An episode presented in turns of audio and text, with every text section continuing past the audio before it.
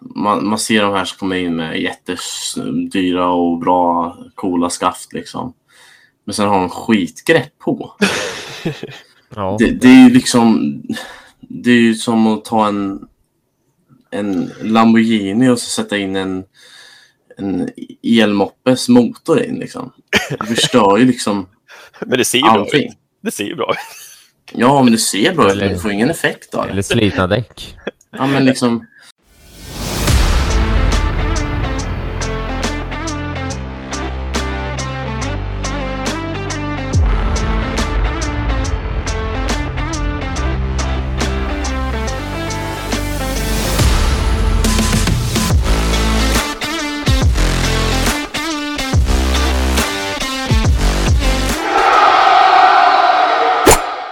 God morgon, god dag, god eftermiddag och varmt välkomna till ännu ett avsnitt av Golfens enda podcast.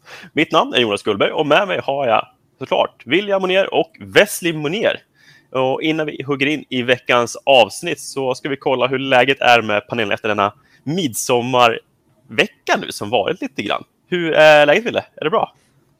Ja, men det är bra med mig tycker jag. Ehm, jag eh, har haft en eh, skön midsommarvecka och eh, innan det så har vi haft lite, vi hade lite tävling eh, som vi var med hemma, eh, Norrköpings tävling får man väl säga. Norrköpings tävling. Eh, som eh, det kan eh, min eh, kära broder få ta lite mer om. Eh, och Sen efter det så var jag iväg lite, var nere på västkusten. Faktiskt spelade Hills eh, på midsommarafton. Ja, men shit vad Ehm, kul. Ja, så jag och tjejen tog, eh, hon körde 54, det är ju par 71 och jag körde 64. Fick vi två fina käf- käftsmällar. Rakt in i vinden första fyra. Eh, visste man att man ledde efter eh, de fyra. Var den tuff? Ja, men den är ju lite... Det är ju just att de här hålen som är lite... Som jag tycker som är lite längre utslag på, de är in i vinden. Ja. Ehm, så liksom man får ju bara liksom acceptera liksom att det, det blir långt in liksom. Och eh, som sagt var Madde hon fick liksom så många eh, mer slag liksom från den tiden så man måste tänka mer boogiegolf då. Har man nästan, får man 14 slag i hållen får man nästan tänka att det blir mer ja jag måste spela framme här, jag måste tänka mer par femma än att man är van med att tänka att en par fyra slår in bollen på green på andra slaget. ja. Och det blir lite ställa om i hjärnan också då. Ehm, så att, ehm, nej det var, det var eh, trevligt tycker jag. Ja, Eh, skön, kul. skön midsommar, kul att få göra någonting annat och, och spela lite golf och bara, det blir liksom inte den klassiska midsommarstången och sådär då. Utan Nej, eh, det lite osvenskt. Skönt att komma iväg liksom såklart. Ja, faktiskt. Eh, men jag skickar väl över eh, frågan hur är det med eh, lågskåran i gänget här då? Jo, men det är jättebra med mig. Det tycker jag. Det har eh, men varit en bra helg, en bra vecka. Eh, jobbat lite och eh, spelat lite golf. Och varit med lite vänner. Ja, men du måste ju berätta om eh, NSGK här nu då, på eh, där du, eh, eller där vi båda spelade eh, uppåsdag två egentligen kan man väl säga då. Ja, precis. Det går lite rykten om nu liksom att en viss person har spelat ganska bra golf. Eh, En yngre broder här. Ja, men eh, det gick bra andra varvet faktiskt. Det gjorde det. Du tycker håller lite för... Så, så jäkla ödmjuk. Nej, men eh, jag sköt eh, minus sju med en dubbel och en bogey. Ja, exakt. Så det blir ganska mycket bättre kanske än, än tänkt. Ja, men det blir det. Speciellt när ja, men jag stod och pratade med Dogge som är en av våra polare och en av dem vi tränar. Eh, stod och snackade lite med han och stod och snackade lite teknik innan vi gick ut och så sa jag till honom bara, "Ja, men fan nu går vi ut och skjuter 59 liksom. Eh, det är det enda vi kan göra. Och så går jag ut och börjar med tre raka birdies och en eagle efter fyra hål. Eh, och då kände jag, vad fan händer? det var inte det jag tänkte riktigt. eh, så bara, "Jaha, hur ska jag lägga upp spelet nu istället? Eh, men ah, eh, Okej, du förändrade, började förändra eller gas, du höll inte på med gaspedalen? nej, men det var inte att jag riktigt, jag hade inte tänkt gå ut och gasa. Det var inte det som var tanken. Utan jag tänkte bara att jag skulle gå ut och göra par runt typ och så började jag lite för bra mot vad jag hade tänkt att göra. Eh, och bara så här, hur ska vi fortsätta här? Så det här håller i sig.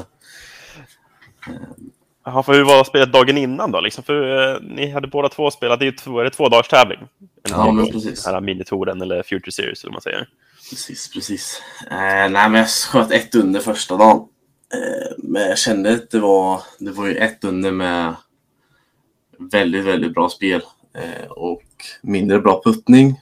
Ja, Men eh, dag två så var det ju puttning och eh, samma bra spel så det var ju var liksom, ja men trea satt en, trea satt en, en halv meter, ja bra.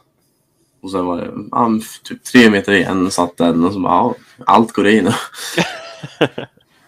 ja men tacksamt någonstans liksom, att du känner att det kan vara så för en gångs skull. Liksom, att det, inte, det behöver vara en, eh, ja, vad ska man säga, en liten hovlandputtning liksom, för att kunna få in en låg score. Utan det faktiskt eh, krävs bara få i de här eh, korta puttarna. Ja men precis. Så det, det var väldigt kul. Måste jag ändå säga. Ja, men vad härligt. Vad, vad, vad slutar du på för plats till slut då? Eh, delad sexa. Ja, men det är grymt ju. Och vinnare fick, eh, vem blev det till slut också? Då? Eh, blir Phil Eriksson, deras eh, tränare och eh, uppvuxen på banan. Så han, Ja, ja, men då får göra lite mini-shoutout till NSGK liksom, och deras verksamhet. Då. Exakt. Jag gjorde banrekord första dagen. Det var bara, Wesley har ju sin bogey dubbel där för att eh, tagit det banrekordet. Ah, alltså. Eh, men, eh, ja, men det var en eh, trevlig tävling och eh, jag som sagt var följde våfflan från eh, 200-300 meters avstånd. Jag ville inte gå fram och börja snacka med honom. Jag ser att han bara matar bird efter bird. Så jag eh, står från distans så att eh, eh, Wesley f- fattar väl inte förrän efter rundan att jag fanns på ett hål där han hade kollat bakåt en gång och hade sett. nej men bara- det, det, vi måste berätta om det. Det är ett jakttorn på ett hål och det står en massa forecaddies där. Och han jag spelar med slår ut sin boll höger. Och sen, så jag går fram till jakttornet och frågar, ja men såg du något? Och så, jag har stått på tio och kollat på det här jakttornet hela tiden. Ehm, och så går jag fram liksom och ställer mig typ 3-4 meter ifrån det och står och pratar med dem. Eh, och så säger Ville och Madde efter rundan, eller Madde kommer fram och bara Han såg du oss i jakttornet? Då har ju de här suttit i jakttornet och jag har stått precis bredvid och inte sett dem. Ja, härligt. Ja, men det, det, är kul ändå, liksom, så här tillfällen man kanske har tänkt på att ja, men det nu måste ha haft en Gamebook-appen istället för andra live-inmatningar. Som har fått de här notiserna för varje birdie, så lilla Pippi som hade gjort, som har fått det här plinget. No. Kunna följa det och Wesley på distans. Pling, pling, pling. Ja, första, första fyra är bara pling, Ja, pling. eller hur? Nej, men Jonas då, hur har din midsommar varit? Jo, men jag har haft en eh, jättebra midsommar. Att istället för att dansa runt eh, våra flaggstänger så jag dansat runt en midsommarstång istället, såklart. Då. Och eh, har, ändå spenderat lite tid i Dalarna tillsammans med en sambon. Så det var första gången på mitt liv som jag hade fem dagar ledigt utan golf, så det var jäkligt kul. Ja, härligt. Ja, så inga golfklubbor och ingenting upp, utan bara hade en liten skön semester uppe i, i Dalarna, så att säga. Och fick vara i de här riktiga skogarna en period. Var lite sightseeing och vissa miljöerna. Så det var bra, faktiskt. Ja, skönt. Då. Ja, lite återhämtning, så nu är man tillbaka med full energi och det ska bli kul att vara, vara redo för, för sommaren som kommer lite grann. Ja, exakt. Det blir lite mer framöver kan man ju säga. Men, eh, men bra killar, nu, nu är det så att det, största som hänt den här veckan, det är ju tyvärr inte kanske din 60, vad blir det, 63, 64, 65. 65 på 72. Ja, det är inte din minus 7 säger jag, så gör vi det enklare. Eh, Utan det finns faktiskt lite andra stortävlingar också som har spelats, eh, vars din prestation är fantastisk. Och jag tänker att vi hoppar in på dem i eh, lite nyheter här. I veckans nyheter nu så börjar vi på, vi börjar på herrarnas PGA Tour och checkar av lite hur tävlingen har varit. Den här veckan så var det Travelers Championship och vi hade faktiskt lite svensk med. Vi hade vår härliga Ludde Åberg som eh, gjorde sin första säga, designated event faktiskt. Och eh, det såg ut som att eh, väldigt länge att han skulle vara med i toppen och fightas, men tyvärr efter ett lite sämre fjärde varv på en lite enklare bana så föll han igenom fältet lite grann och eh, slutade på en eh, delad 24 plats efter en rond på par. Eh, vann gjorde faktiskt Keegan Bradley på hela minus 23 efter att även han sköt en lite mindre under parrond än vad fältet gjorde och sköt enbart minus två sista varvet. Eh, våra favoriter, kanske om man säger Scottie Scheffler, sköt ju minus fem sista varvet, men kom även han fyra återigen. Så han kunde inkassera lite små pengar, så han också kanske har lite midsommarkassa här. Kunna använda sig av framöver.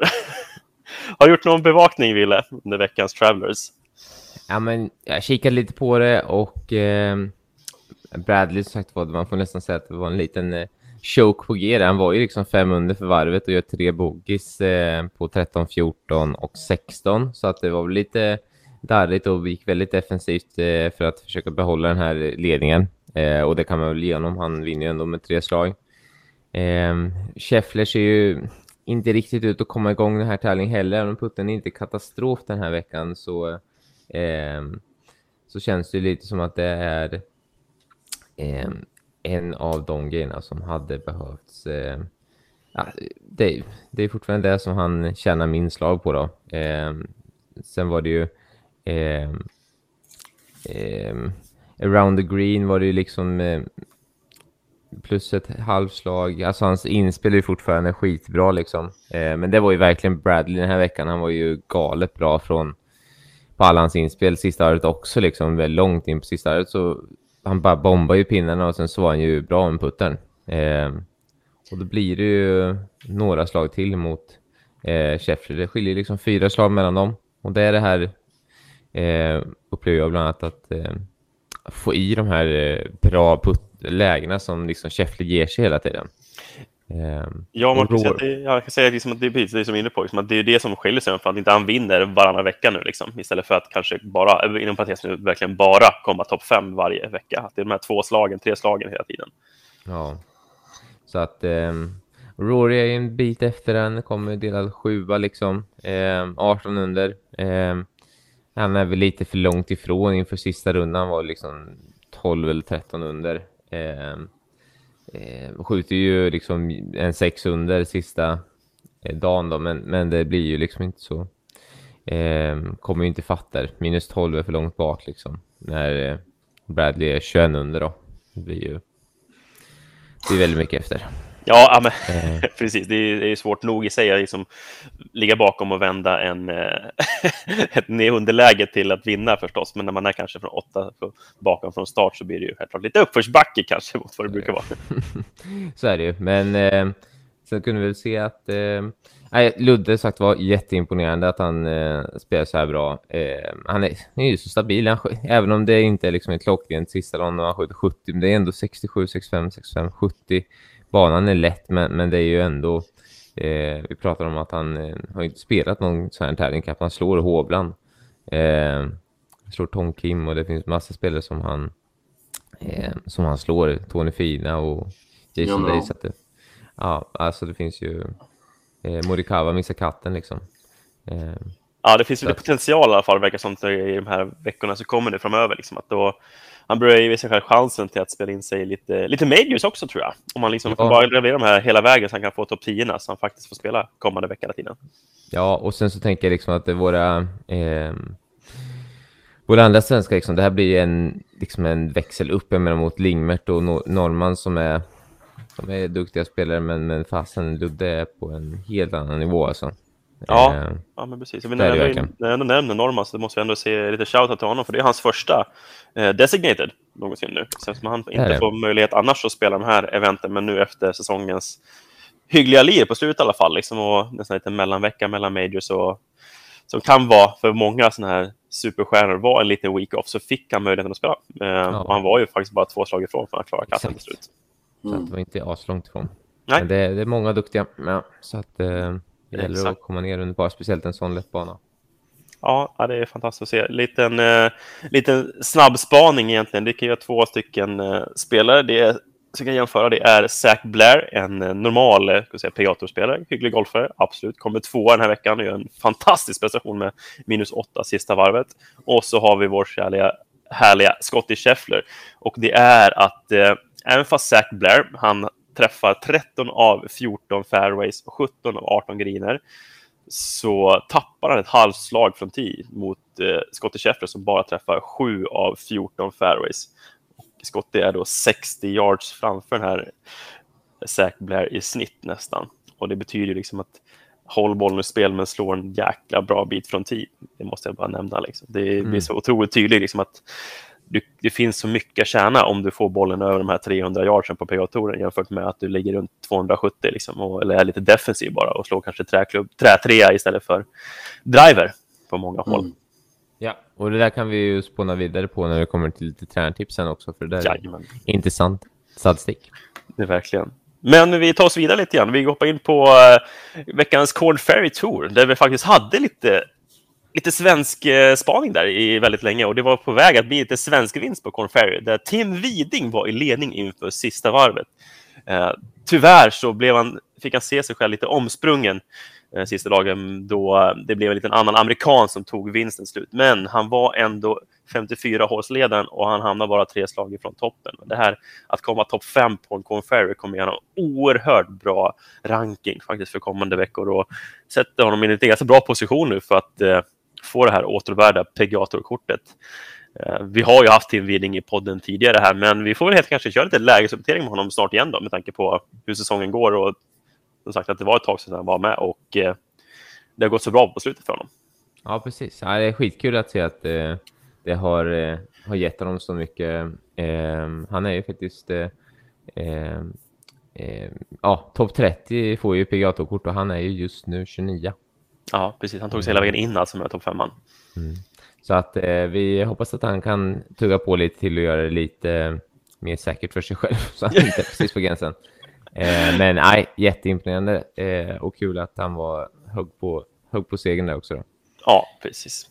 Men eh, det som är största för veckan, det kanske vi hoppar in på damernas LPGA innan vi eh, Ja, hoppar in på kanske lite Europatour för herrar. Men det är, har varit PGA Championship, alltså KPMG LPGA PGA Championship i USA, där vi har haft eh, en otrolig batalj. Men vi måste ju börja med såklart med Svensktoppen och vi har haft en annan Nordqvist som har kämpat sig upp hela vägen upp till en fjärde plats sista dagen genom att skjuta, skjuta en fantastisk minus sexa och eh, faktiskt ta sig in i topp fem även hon efter att ha varit eh, ja, utanför topp 20 inför sista varvet ja, 66 och 65 de två sista varven är ju oerhört starkt för att eh, gasa in sig i toppen där.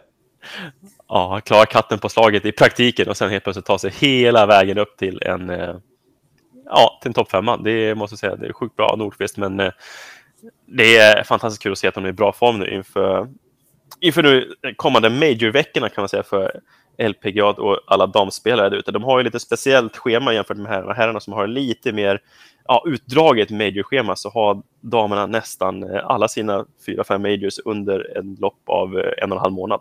Så eh, det är kul att se att Ann Nordqvist visar bra form för det kommer att gynna henne framöver och det luktar lite major kanske varning alltså om hon börjar så Ja, här. absolut. Mm. Och eh, vi får även lyfta ut att eh, Linn Grant blir även eh, delad 20 då, minus 1. Så att eh, eh, finns ju ändå, hon är ändå en liten bit utanför. Sagström 39 på plus 3 så att eh, ehm, och Linnea Ström delad 57. Så att det fanns ju lite svenskar som klarade katten där och det, det, de får skruva lite till på sina eh, formkurvor här så kan det ju bli ännu bättre.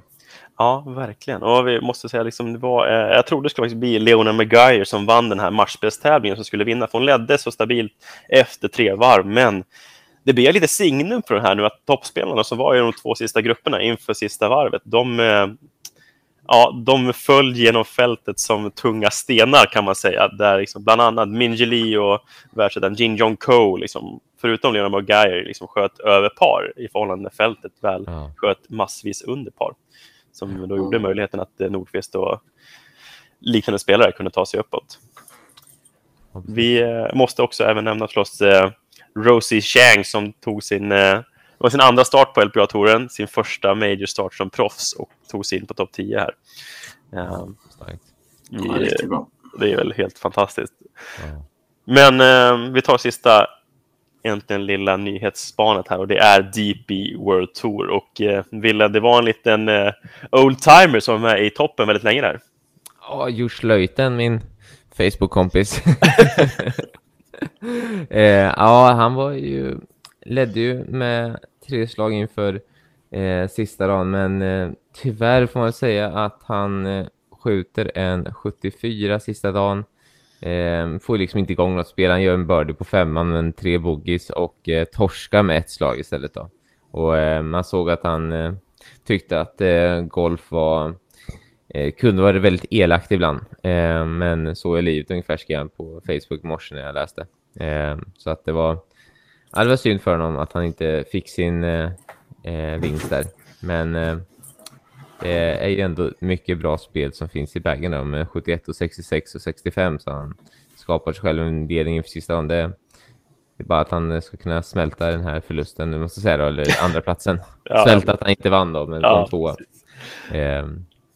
Får man väl eh, släppa ut. Och sen så eh, ska väl jag även snabbt dra igenom. tänker att eh, eh, Ladies European Tour, vi hade en fem, åttonde plats eh, på Johanna Gustafsson eh, och eh, Sofie eh, Bringner eh, 11 och Linnea Johansson 11 också. Eh, så det var lite svenska i toppen där. Eh, och vi hade bästa svensk på Challenge-touren var Anton, eh, Anton Karlsson som kom 14. Så att eh, det var väl lite snabbt nyhetsspaning över alla världens torer, eller hur? Även NSGK Open, Ja. 65.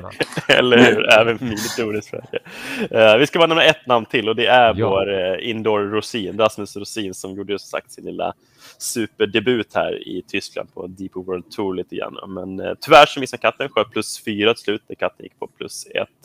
Eh, så han får väl vänta med att kunna titulera sig som en Deep World Tour-spelare tills eh, den dagen det sker ordentligt. Men han har i alla fall fått en start på DP och fått känna på hetluften väldigt länge i alla fall. Ja, det är coolt. Men nu känner jag grabbar, nu vill jag snacka om lite mer hur vi kan utveckla vår golf. Så jag tycker vi hoppar in på veckans eh, tränarspaning.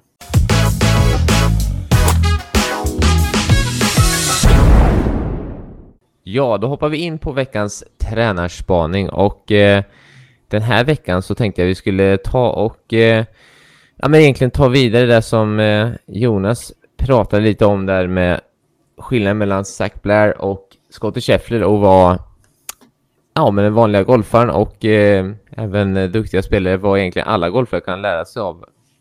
De, eh, eller egentligen den skillnaden i eh, statistik på dem. Träffa mycket fairways eller slå långt. Vad är det som är viktigt och eh, vad bör man göra när man spelar ute på banan eh, som vanlig golfare? Och det är ju egentligen att slå långt är ju jäkligt viktigt. Det kan vi ju helt klart eh, se som du hade sett där Jonas. Absolut. Det är, när man kan tjäna så många slag att bara i praktiken vara längre än sina motspelare. Så får Precis. du möjligheten på ett kortare inspel. Och då tänker jag, då sitter väl någon på andra hörnet och säger här, ja ah, men om man slår bort bollen då är inte det så bra. Nej, det, det är ju helt klart inte så jävla bra. Eh, De slår inte bort bollen så eh, liksom, det är ju en gång var tredje år eller vad det blir, eh, som de slår bort en boll. Eh, Torspelarna i genomsnitt. Alltså de, de är ju extremt bra på att hålla bollen i alla fall i spel.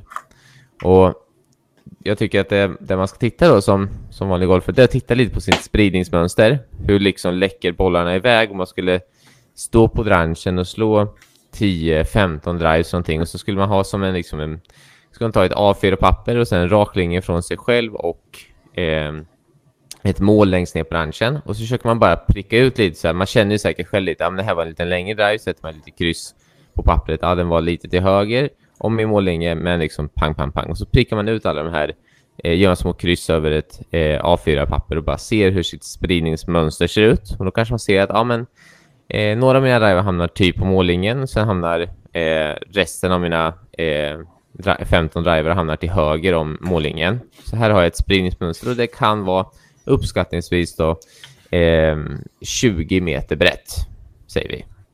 Från liksom bollen Ja. längst till vänster till bollen längst till höger. Är vi med? Är ni med mig? Jag får, jag, jag får bilden i alla fall i huvudet. Det, Ja. Och den här, det var tur. jag har gjort den så. Jag får med. och det, och det här liksom spridningsmönstret, där skulle man liksom kunna då tänka i sitt huvud att man klipper ut då den här lilla cirkeln. Och sen gäller det då att placera in den här cirkeln på banan. Och börja förstå att jag kan inte ställa mig på 10 varje gång. Om jag ändå ska slå med drivern till exempel och försöka tjäna mer längd från 10. För att det gäller att vi sätter bollen i spel. Vi får inte slå bollen i vatten. Vi får inte slå den out. Hellre i vatten än out. Eh, hellre i ruff än i bunker. Eh, och den klassiska svenska liksom semiruffen och fairway är mer eller mindre samma sak. Det spelar de flesta golfare vi pratade om tidigare tycker nästan bättre att ligga den för att de slipper att toppa den då eh, kontra fairway. Så att kan man då, ser man då till exempel att bollarna läcker oftast lite för mycket till höger eh, och sen så har jag eh, någon eh, liksom skitiga vatten på högersidan, ja men då kanske jag ska sikta på eh, till och med vänster om fairway eller, eller så ska jag sikta, alltså, alltså nu får ju, man får ju då börja räkna lite på hur brett en spridningsmönster är, att ja men då är min mitt på cirkeln här så jag får så många, som, så många bollar som möjligt till vänster och till höger. Man får ju titta vart, ja men rakt fram för mig, men jag, min, mitt rakt fram är egentligen fem meter till höger någonting. Där sitter min, eller fem, tio meter till höger. Där sitter min mitt på cirkeln. Så då får jag 50% till vänster om mig och 50 till höger om det här. Så får jag 10 meter, 10 meter på båda sidor om min eh, siktpunkt. Ja. Om man, om man då kan börja liksom fundera igenom det här att man får in det, då kan man plötsligt då absolut, en del bollar hamnar i ruffen, men det spelar inte så stor roll. Men då kanske kan då skippa att slå bort så mycket bollar för att man siktar bara mitt i fairway så, så har man så, så, att man inte får då 20 meter till höger varje gång utan man eh, spelar med att bollen hamnar lite vänster också. Då. Ja, men exakt. Jag tycker om den här idén liksom bara att man börjar se, ja, men jag kan liksom sikta mitt i fairway för då kommer jag missa bollen i majoritet, kanske på högersidan eller vänstersidan. Ja. Utan då börja anpassa liksom att hur ser min cirkel ut? Hur ska jag få in största andelen bollar mitt på fairway, Mm. till Precis. exempel? Jag tror att det är väldigt bra liksom, att skifta då, som du säger, den här grejen, beroende på hur hindren ser ut, beroende på hur missarna ser ut och hur jag kan utnyttja det på bästa sätt. Precis. Och det, men sen kan det också vara, en, en, tänker jag, en, eh, om man har en, en kille som är, eller en tjej som är ny, som slår ganska långt, har ganska eh, högt handikapp, som, som känner att de slår bort så jäkla mycket bollar varje runda.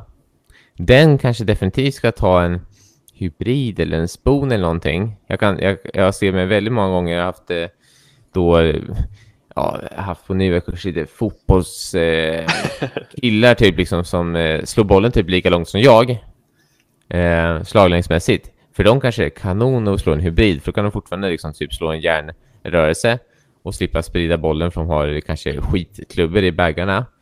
Eh, så kanske man kan fixa en bra hybrid bara och så har de den som utslagsklubba. Skickar de den 220 meter med fairway-träff. Då är det skitmycket tjänade slag mot ett, en 35-handikappad spelare. Eh, att sätta bollen i spel 220 meter är ju extremt många tjänade slag mot den handikappkategorin eller den spelkategorin. Jajamän, ja, men det, finns det. Det, det är just det här, vad, vad, hur kan jag känna mest slag? Ska jag bara slå driver för att slå långt? Nej, gör inte det. Men kanske måste hitta den här avvägningen då. Då är 220 meter kanske rätt då för den här Ja. ja. men super eh, unga mannen. Liksom, att då kan jag hålla bollen i spel istället för att köra ett 50-50 slag, bortslagen boll eller träffa fairway med driven. Exakt. Ehm, så att, för det är ju generellt sett är ju damer mycket rakare där, så damer kan ju, damer och tjejer kan ju oftast gå mer eh, liksom offensivt från tid för att de är oftast väldigt mycket rakare rent statistiskt. Ja, Ehm. precis. Det blir också lite procentuellt eh, större fairway mot Ja. ja. slaglängden helt enkelt. Så det då kan man vara lite mer aggressiv. Men man, kan, man får ju titta lite på sig själv där och hur långt slår jag i förhållande till min handikappskategori. Det går ju att titta upp. Eh, Det finns ju statistik på alla slag spelkategorier, hur långt spelkategorierna slår, så man förstår vad, vad snittet är. Och okej, nu slår jag den på fairway och längre än snittet, då tjänar jag slag. Så att man inte liksom tänker att ja, man har 35 i handikapp och försöker slå bollen 280. Eh, eller man ska... Ja, men det kan man stå där helt plötsligt som en, ja, men en normal, eh, normal eh, snittgolfare liksom börja jämföra sig med den här singan i kappan. Det blir lite, blir lite fel tyvärr. Det blir lite Ja. jobbigt. Men, men det vi kan eh, liksom konstatera det är väl liksom att försöka vara offensiv kan kännas slag, men försöka i... Om man nu ska gå lite mer offensivt måste man titta på sitt spel, slagmönster och se vart man har sitt slagmönster så man vet vart man ska sikta, höger eller vänster. Eh, det är väl en av de fördelarna bland annat tänker jag för dig Wesley, när, för du går ju som sagt var alltid eh, offensivt från tee liksom. Men, men du gör ju det jäkligt bra också liksom. Det är sjukt mycket eh, liksom, träffar på små ytor liksom. Ibland så liksom, kan jag själv tycka att jag inte ens kan träffa en järnia på de ytorna du träffar en driver 300 meter carry. Eh, Och jag fattar inte, men det, du har ju verkligen koll på hur bollen kommer bete sig väldigt många gånger i alla fall. Ja, men Eh, alltså, det är ju exakt det du säger om att veta vart din miss är så att du kan liksom sikta ifrån den hindret som är det din miss brukar vara. Mm. Att är en stor drå som är din miss och det är vatten där men det är inte ett skit ut höger för ett annat hål ut höger. Ja, men slutet på det här hålet då. Ja. Men är du spel och längre på det hålet och du har ett bra inspel därifrån, ja då är det ju same shit liksom. Ja, och det där, bör man ju, där kan man antingen gå till en tränare eller till eh, inomhushall, eh, tänker jag, och liksom få hjälp med det här spridningsmönstret, få ett exakt siffror på det också då, om man inte vill stå och bara chansa på ranchen. Ja, Eh. precis. Det är förmodligen lättast att hitta någonstans där du kan ha någon form av ja, men, datainsamlingsapparatur, så att säga. Så, så man får lite eh, snitt offline och snitt standardavvikelse på de här längd och sidled, då, så man får både hur lång, alltså hur mycket man missar längdmässigt, eh, lång kontra kort och eh, höger kontra vänster. Ja. Jag, jag kan ta som exempel på när vi spelar nu. På Sörping så är det ett hål där liksom skogen går ut och fairway och banan blir ganska smal. Och sen om du slår över där så är det liksom ja, 100 meter brett istället. Ehm, och för mig var det ju inga konstigheter. Det var ju bara att slå en drive över för att det är så mycket bredare att slå en drive över där. Men jag ser jättemånga som slår en spon eller hybrid ut. Eller en järntvåa i det här gattet istället. Ja, och vissa slår in den i den här skogskanten och ligger skit istället för att slå en drive över det här. För att eh, de flesta når över det där. Och det är också liksom, ja, Ja, man var väl tvungen till om man inte har möjligheten att slå de längderna som du hade på din drive. Liksom. Då vilken fördel det blev för dig på den här tävlingsformen, liksom, eller den på det hålet i alla fall. Och Mm. då kunna komma ut hela vägen på det breda området istället för att försöka prickskjuta mellan 15 meter i skog. ja men exakt. Ja, vi har också varit i en liknande scenario när jag spelade min tävling på Laholm. Att det var ett par fyra hål, 410 meter. Eh, dogleg, lite lätt dogleg höger. Jag spelade med ganska, ganska tydlig draw i min bag. Out längs hela vänsterkanten. Eh, stenhård frånslutande fairway, så du behövde en fade egentligen på den här fairway för att kunna få, få ligga kvar. Eh, till att liksom, out, i doglingen på den här outen så var det kanske 275 meter, så de flesta slog en, liksom en, en spon, fadad spon som har en, liksom en höger tjuvbägen för att kunna få den att ligga kvar. Eh, men jag kanske var tvungen då, liksom, eftersom jag har min stora drå och minimerar risken för att slå bort boll. Fick liksom gå tillbaka den här gången liksom, när jag inte kanske har ett spridningsmönster som är snällt eller gynnsamt för mig på det här hålet. Att då kanske gå ner på en järnfyra och kanske då var tvungen den här gången att slå en järn 3, järn 4 för att hålla bollen i spel och minimera den stora missen. Men eh, då ser det som att ja, men den här gången så är det bra för mig att kanske skippa att slå en spon. Även fast kanske det är mest gynnsamt alltså, att få en kort distans kvar, givetvis. Men för mig så innebär det att när jag missar bollen vänster så hade varit, bollen varit borta på det här hålet i så fall. Ja. Istället för att Mm. kanske rulla ut en ruff. Men den här gången så fick jag då ta det säkra alternativet. Och hålla igen slagen. Vad jämföra med ett minus 2 eller minus 0,5 på ett hål ifrån 10. Exakt. ja precis. Ja, men ska vi runda av att, lite då, ja, Wille? tycker, ja, absolut. Jag tycker att det var en eh, bra grej och eh, vi hoppar över till eh, ett eh, segment som vi tänker, eh, som jag ska ta lite här, som lite reklam för, försöka införa i podden här. Så att eh, hoppar vi till en hemlig del här i podden. Ja, då är det så här att eh, den superhemliga världsnyheten som vi har här i podden är att eh, eh, vi tänker ta in lite...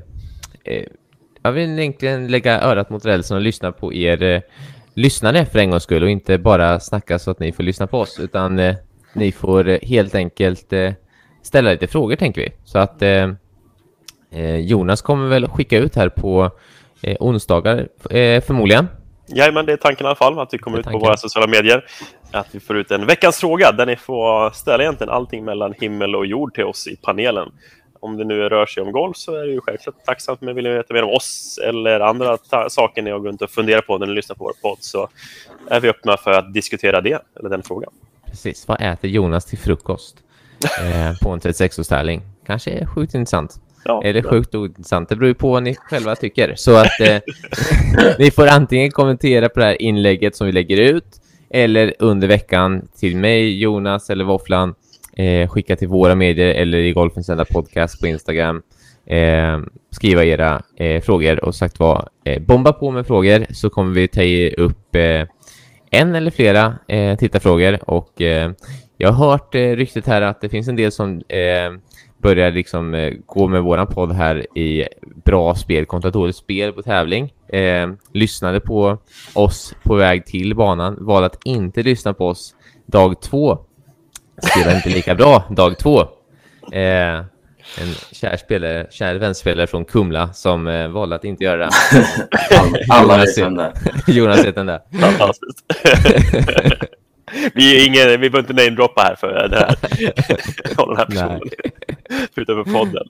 Men eh, uppenbarligen så hjälper vår podd med det mesta. Så jag tänker att eh, man får ställa massa frågor och så desto fler desto roligare och då kanske det blir lite, så här, lite snabba frågor där vi får dra igenom några olika teman. Kanske blir allt ifrån, du säger, det är allt från frukost till golf. Så ja, men bara hör av er till oss så kommer lite roliga segment framöver. Långsammaste spelaren jag spelat med. Får ju bipa namnet. Ja, exakt.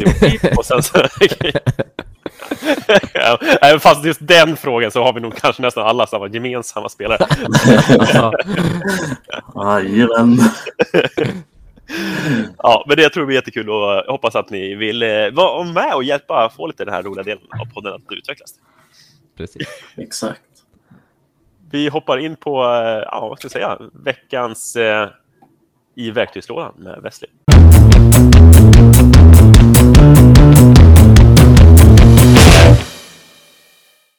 Ja, men helt klart ska vi ha en verktygslåda här veckan också. Och eh, jag eh, tänker att jag har ju greppat så sjukt mycket klubbor i år. Eh, och just därför tycker jag att det är kul att ta det här som jag såg nu på faktiskt Instagram när de byggde en, eh, en väldigt bra vänsterspelares eh, driver. Har ni någon koll på vem jag tänker på grabbar? Nej. Nej, det är ett stort frågetecken faktiskt. Nu är jag lite tagen på sängen här. Ja. Vill ni, vill ni ha en gissning då? Kom igen då. Mickelsson. Mickelsson har vi. Kom igen Ja. då. Säga Babba istället. Okej. Ja, vi har ett rätt svar. eh, nej, men det är faktiskt... Ja, men sen man kan ju ibland köra kanske två, tre, fyra lager tejp under klubban. Eh, eller man kan köra midsize eller jumbogrepp. Eh, men den här grabben, han kör ju då 13 lager tejp och midsize grepp. Babba. Ja, det är ju såklart alla. Och alltså 13 lager tejp och ett midsize. Jag tänker, hur får man på det? Jag tänker liksom, det- alltså, det måste vara lite småjobbigt för att vara liksom, den personen i verkstaden som bygger om det här greppet. Ja, jobbigt om han byter grepp kanske några gånger under säsong också. Ja, men alltså, det måste ju bli dels så brutalt stort. Ja, jag tänker att det blir- tungt. Ja, tungt också. Ja. Ja, ja, jag tänker hur det är mot de här Jumbo Max-greppen som eh, Bryson spelar. Ja, men precis. Det är ju Och- typ ett sånt. Ja, men lite så. Och det där man ska ha med sig när man bygger upp ett grepp så mycket, det är att greppets liksom egenskaper försvinner ju lite också. För att grepp, alltså tejpen är ju i sig lite mjuk. Eh, och när du bygger upp så mycket så blir ju greppet lite mjukare. Eh, blir lite mer rörligt också. Eller torkigt som man kan säga också. Eh, så det blir mycket, mycket grejer som händer i bara greppet när du bygger upp det så mycket. Ja, precis. Jag, jag tycker också det. När man har en custom och så har man någon kille som... Alltid en kille. ja, det är alltid en kille som kommer och så Ja. vill han ha ett... Ja, han vill ha ett vridstyvt skaft. Ska ha låg tork då. Tork och vridstyvt är ju samma sak. Det är bara att prata svenska och engelska då. Men eh, vill ha ett jättevridstyvt grepp då. Eller skaft och eh, sen när man väl klarar... Ja, men ska ha tre lager tejp och eh, midsize grepp eller någonting då. Så då, då bygger man ju på plötsligt en massa gummi som kommer bidra till liksom... Alltså vi har ju handske, vi har hud. Alltså det finns ju massa grejer som kommer bli vrid... Alltså den totala vridstyvheten av klubban. Skaftet är Exakt. en faktor, men sen har du ju tejpen, greppet, handsken, själva spelarens grepp. alltså det finns ju sjukt många grejer som bygger på. Så att precis som du säger, Wessler, det blir ju väldigt... Ja, men man förstör ju lite liksom. Ja, men så här, man, man ser de här som kommer in med jättedyra och bra, coola skaft liksom. Men sen har de skitgrepp på. Ja, Det, det är ju liksom... Det är ju som att ta en, en Lamborghini och så sätta in en, en elmoppes motor in liksom. Det förstör ju liksom Men det ser ju bra allting. ut. Det ser ju bra ut. Ja, men det ser bra ut, du får ingen effekt av det. eller slitna däck. Ja, men liksom... Det blir ju inget bra. Nej, inte, Nej. inte, inte du ska använda det för, för att köra snabbt. Det blir samma sak med att Ja, du vill köra snabbt, det så långt. Ja, men Se bra ut i bagen i alla fall. När du står där på restaurangen och har ni. exakt, så är det ju. Ja, men jag tänker väl inte bara så här, så att det, det måste bara vara en känsla i fingrarna. Liksom. Han vill inte bara, han här ska inte vrida över händerna, utan nu ska vi köra så tjockt som möjligt för att bara Ja. kunna tillåta klubbhuvudet att vara öppet under längre Slå period. sin slice liksom. Ja, men jag tänker det liksom att det, Men Det är ju likadant som Babbas järngrepp. Som han har på järnskaften. De sitter ju alltså apöppna. Ja, men precis. Så det, det är också så här, det, För att det är han hookar gärna ju. Ja, Det är hans preferens liksom. det, så det är, det är så, hans bag är väldigt rolig att kolla på. Så om man får någon gång kolla på hans väg. Ja, det skeva grejer som är byggt där i. det var, det var kul liksom, att göra lite en undersökning och se egentligen alla tourbaggar, vilka modifikationer man får göra egentligen med grubbar, alltså grejerna i förhållande kanske vad man gör i en normal provshop. Liksom, när, man, Ja. när man står så många timmar och slår. Liksom, att man, man börjar vrida grepp för att få upp en känsla att behålla klubban stängd eller öppen eller rotera mer. Du anpassar med, med lagertejp, du ändrar färg eller någonting.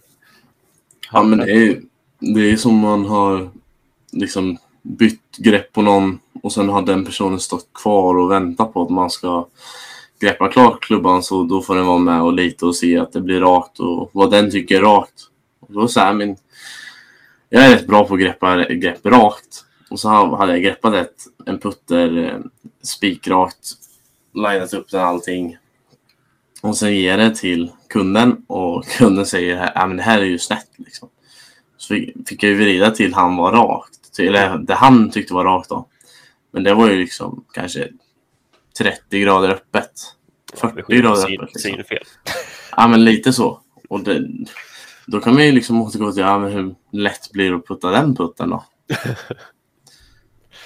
Ja, det kanske är lite utmanande. Men liksom, jag tänker bara så här, jag måste göra ett shoutout till ett Instagram-konto som heter LED Tape Chronicles där det finns lite modifikationer på klubbhuven där de följer Torproffs som har lekt med blytejpen lite grann. Och eh, då får man se liksom på baksidan av klubbor, allt från putters, wedgar, utilities, driver, liksom hur man har nött med eh, blytejpen för att modifiera vikten och känslan i huvudet Mm. när man spelar. Och eh, där har vi mycket olika konstigheter som Torproffs har för sig. Verkligen. ja, ja absolut. och, eh, men eh, nej, jag tycker det var bra eh, grej att eh, ta upp av eh, våfflan där. Jag har faktiskt stått och hållit i Babbas grejer en gång. Jag med. Eh, så att, eh, nej, det är ju, det är ju en jäkligt lustig bag. Eh, och- Ja, var det, var det driven som var värst då, att hålla i liksom, det tjocka greppet? Eller var de Den är öppna sjuk. klubbgreppen i sig? Ja. Och Jag Alltså, skulle det- säga gärna. Hjärnan ser ju ganska eh, crazy ut när de sitter så snett alltså. Det måste man ju ändå säga. är det så att han har ribbade grepp också på något sätt? Så liksom det känns konstigt i händerna? Eller är det liksom ett rakt grepp, standard, alltså med de tjocka, men att det är vridet bara? Mm, jag tror att de var inte ribbade. Jag har Nej. för mig att de inte var ribbade. Jag tänkte liksom, det hade ju verkligen varit så här pricken över i för liksom, känsla att nu har vi ribbat öppet, men sätter det på hjärnan. Ja, det. exakt. Ja, men det var mitt för den här veckan grabbar. Ja, Så- men eh, grym spaning i alla fall. Grym Mm. lite verklighetsrådstips här för oss. Ja. Så nu tycker jag vi hoppar in på... Vart ska vi? Eller? Ja, veckans Eller vart är vi på är väg? vi, vi på väg?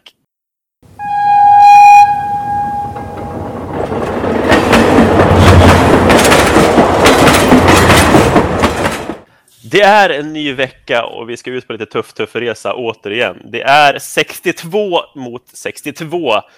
För nu har vi faktiskt haft koll på räkningen för guds skull. Det var veckans haveri där vi fick gissa oss fram på poängen lite grann. Ja, vi kollar äntligen Wesley. Hur, hur känns det nu? Nu är det lika igen. Nu har det varit eh, svängigt, har det varit den här bataljen nu när vi börjar närma oss 75-poängsgränsen här. Ja, ja alltså jag blev ju lite besviken att det var 75 och inte 70 för jag trodde jag hade kunnat slänga in en vinst den här gången men nej, vi får väl ta det nästa vecka. Ja, exakt. Då får vi, det blir ju nästa vecka. Om nu liksom ni får lite poäng på det här avsnittet så är det nästa vecka det kommer att eh, förhoppningsvis kanske avgöras för den här första, första perioden eller första omgången av Vart är på väg. Eh, Ville, har du några tankar inför veckans eh, resa? Ja, men jag kanske måste liksom vässa till min eh, hjärna lite den här veckan. Eh, två pengar på Jättorp och eh, jag spelar ju med en Katrineholmare på eh, på NSGK här första rundan och eh, det kändes som att det var någon form av liksom släp i ansiktet när man haft den här poddinspelningen och så kommer det dagen efter så får man träffa en Katarina Holmare och man bara BAM i ansiktet bara. Varför inte kan komma ihåg att Jettorp är Katrineholm alltså. Fan. ja, ja, men det är väl lite karma någonstans då, helt enkelt. Ja, jag vet det. Men, och så spelade eh, Wesley med honom dagen efter och sköt 65. ja, då var det karma. Exakt. Bara karma. man i förklädnad. Nej, men eh, grabbar, vi hoppar in i veckans Svart är på väg och eh, vi startar resan. För 10 poäng. Vi tar väg 52 västerut. Från vår semester... Nej, nu jäklar. Nu Anders. Vad fan har jag läst? Vi börjar om med den. Vi kör lite sån här blooper-ljud här.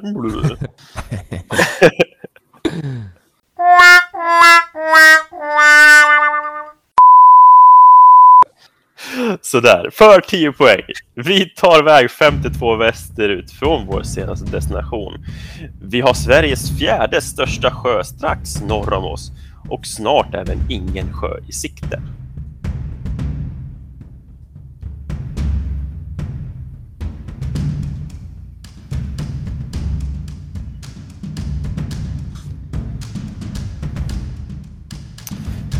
För 10 poäng. Vi tar väg 52 västerut från vår senaste destination. Vi har Sveriges fjärde största sjö strax norr om oss och snart även ingen sjö i sikte.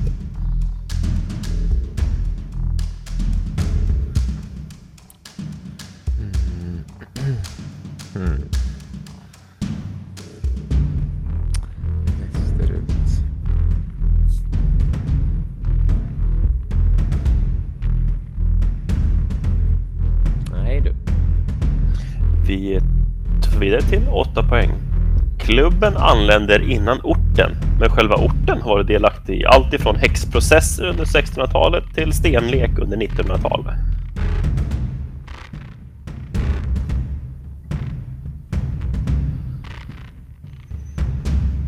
Hmm. Men använder man till klubben? Vad fasen sa du? för 8 poäng. Klubben anländer innan orten, men själva orten har varit delaktig i allt ifrån häxprocesser under 1600-tal till stenlek under 1900-tal.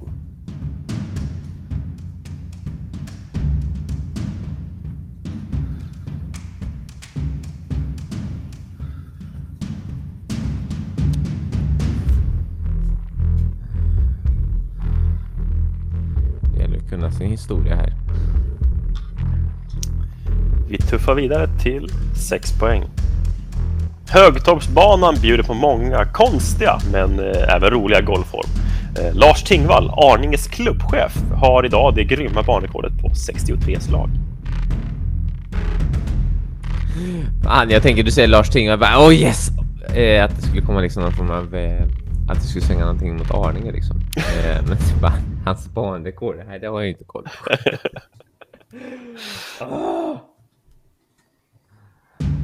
Högtorpsbanan.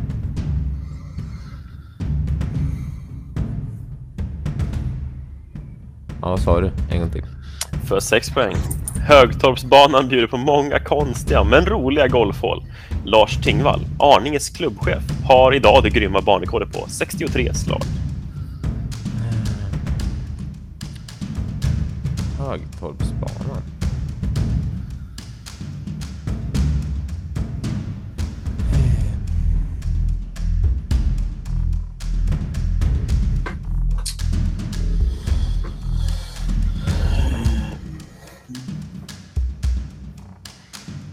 Ja, jag är lite chockad att ni inte tagit den ännu, men eh, spännande, spännande.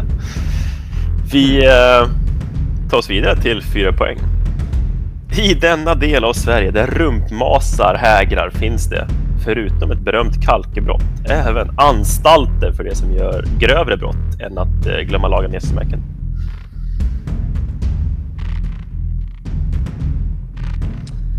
Ja. Det måste... Jo, oh, men då kan... Våfflan! nu fattar jag. Ja, vi får, jag ska ta ett, ett svar. Vänta, jag ska, vad fan är du då? Där.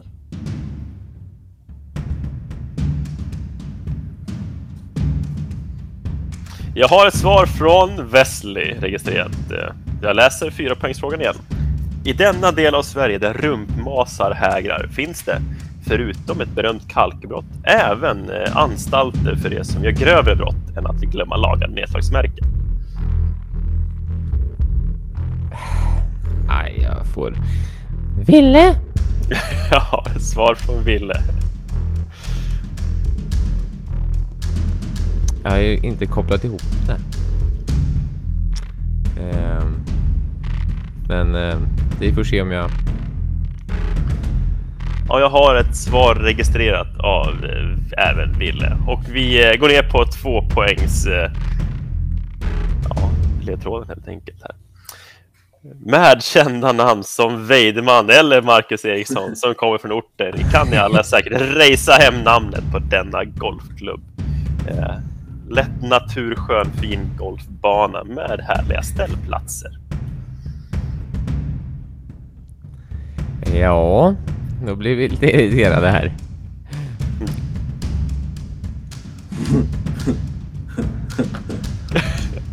Jag läser för två poäng en gång till. Med kända namn som Weidman eller Marcus Eriksson som kommer från orten kan ni alla säkert rejsa hem namnet på denna golfklubb. Lätt naturskön med fina ställplatser. Ja, och eh, med de orden så vet jag att mina panelvänner här kan eh, kan svaret då det är Kumla Golfklubb som är eh, svaret på veckans Vart är vi på väg? Ja, att ni inte kan Högtorpsbanan, det trodde jag, men eh, jag tänkte att... Hade du sagt nu avsluta med skidbacke till 18 hål, då hade jag helt kopplat direkt. Vad är Högtorpsbanan då? Kumla, alltså det är Högtorpsbanan, alltså den kallas så. Ja, men va? Ah, det heter så. Det är. Så det är lite roligt. Jag tänkte liksom att, eh, ja, Tingvall kanske var ja, men just det. Häxorna och fan. Och så tänker jag på stenlek, tänker jag på det härliga kalkbrottet man går runt mellan hål nummer, är det 9-10 eller 10-11 eller ja, alla de där i på baksidan. Att du inte, pl- att du inte plockade in monstret. Ja, den hade jag velat göra, men jag tänkte att det är alldeles för uppenbart för Ja. att säga monster.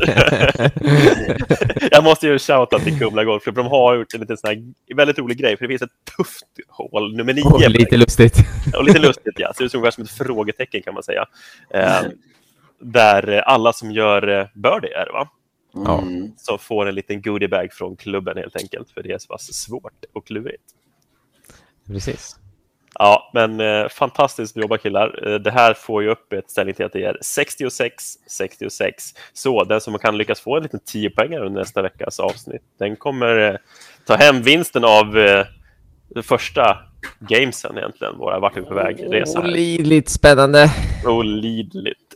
Som alltid, tack till alla som lyssnar och eh, tack till alla som börjar följa oss på sociala medier eller här via Spotify eller din lokala poddutgivare. Det hjälper oss i vår resa mot att kunna bli den största golfpodden i Sverige som är eh, på dags att det blir snart. Det är väl nära i alla fall.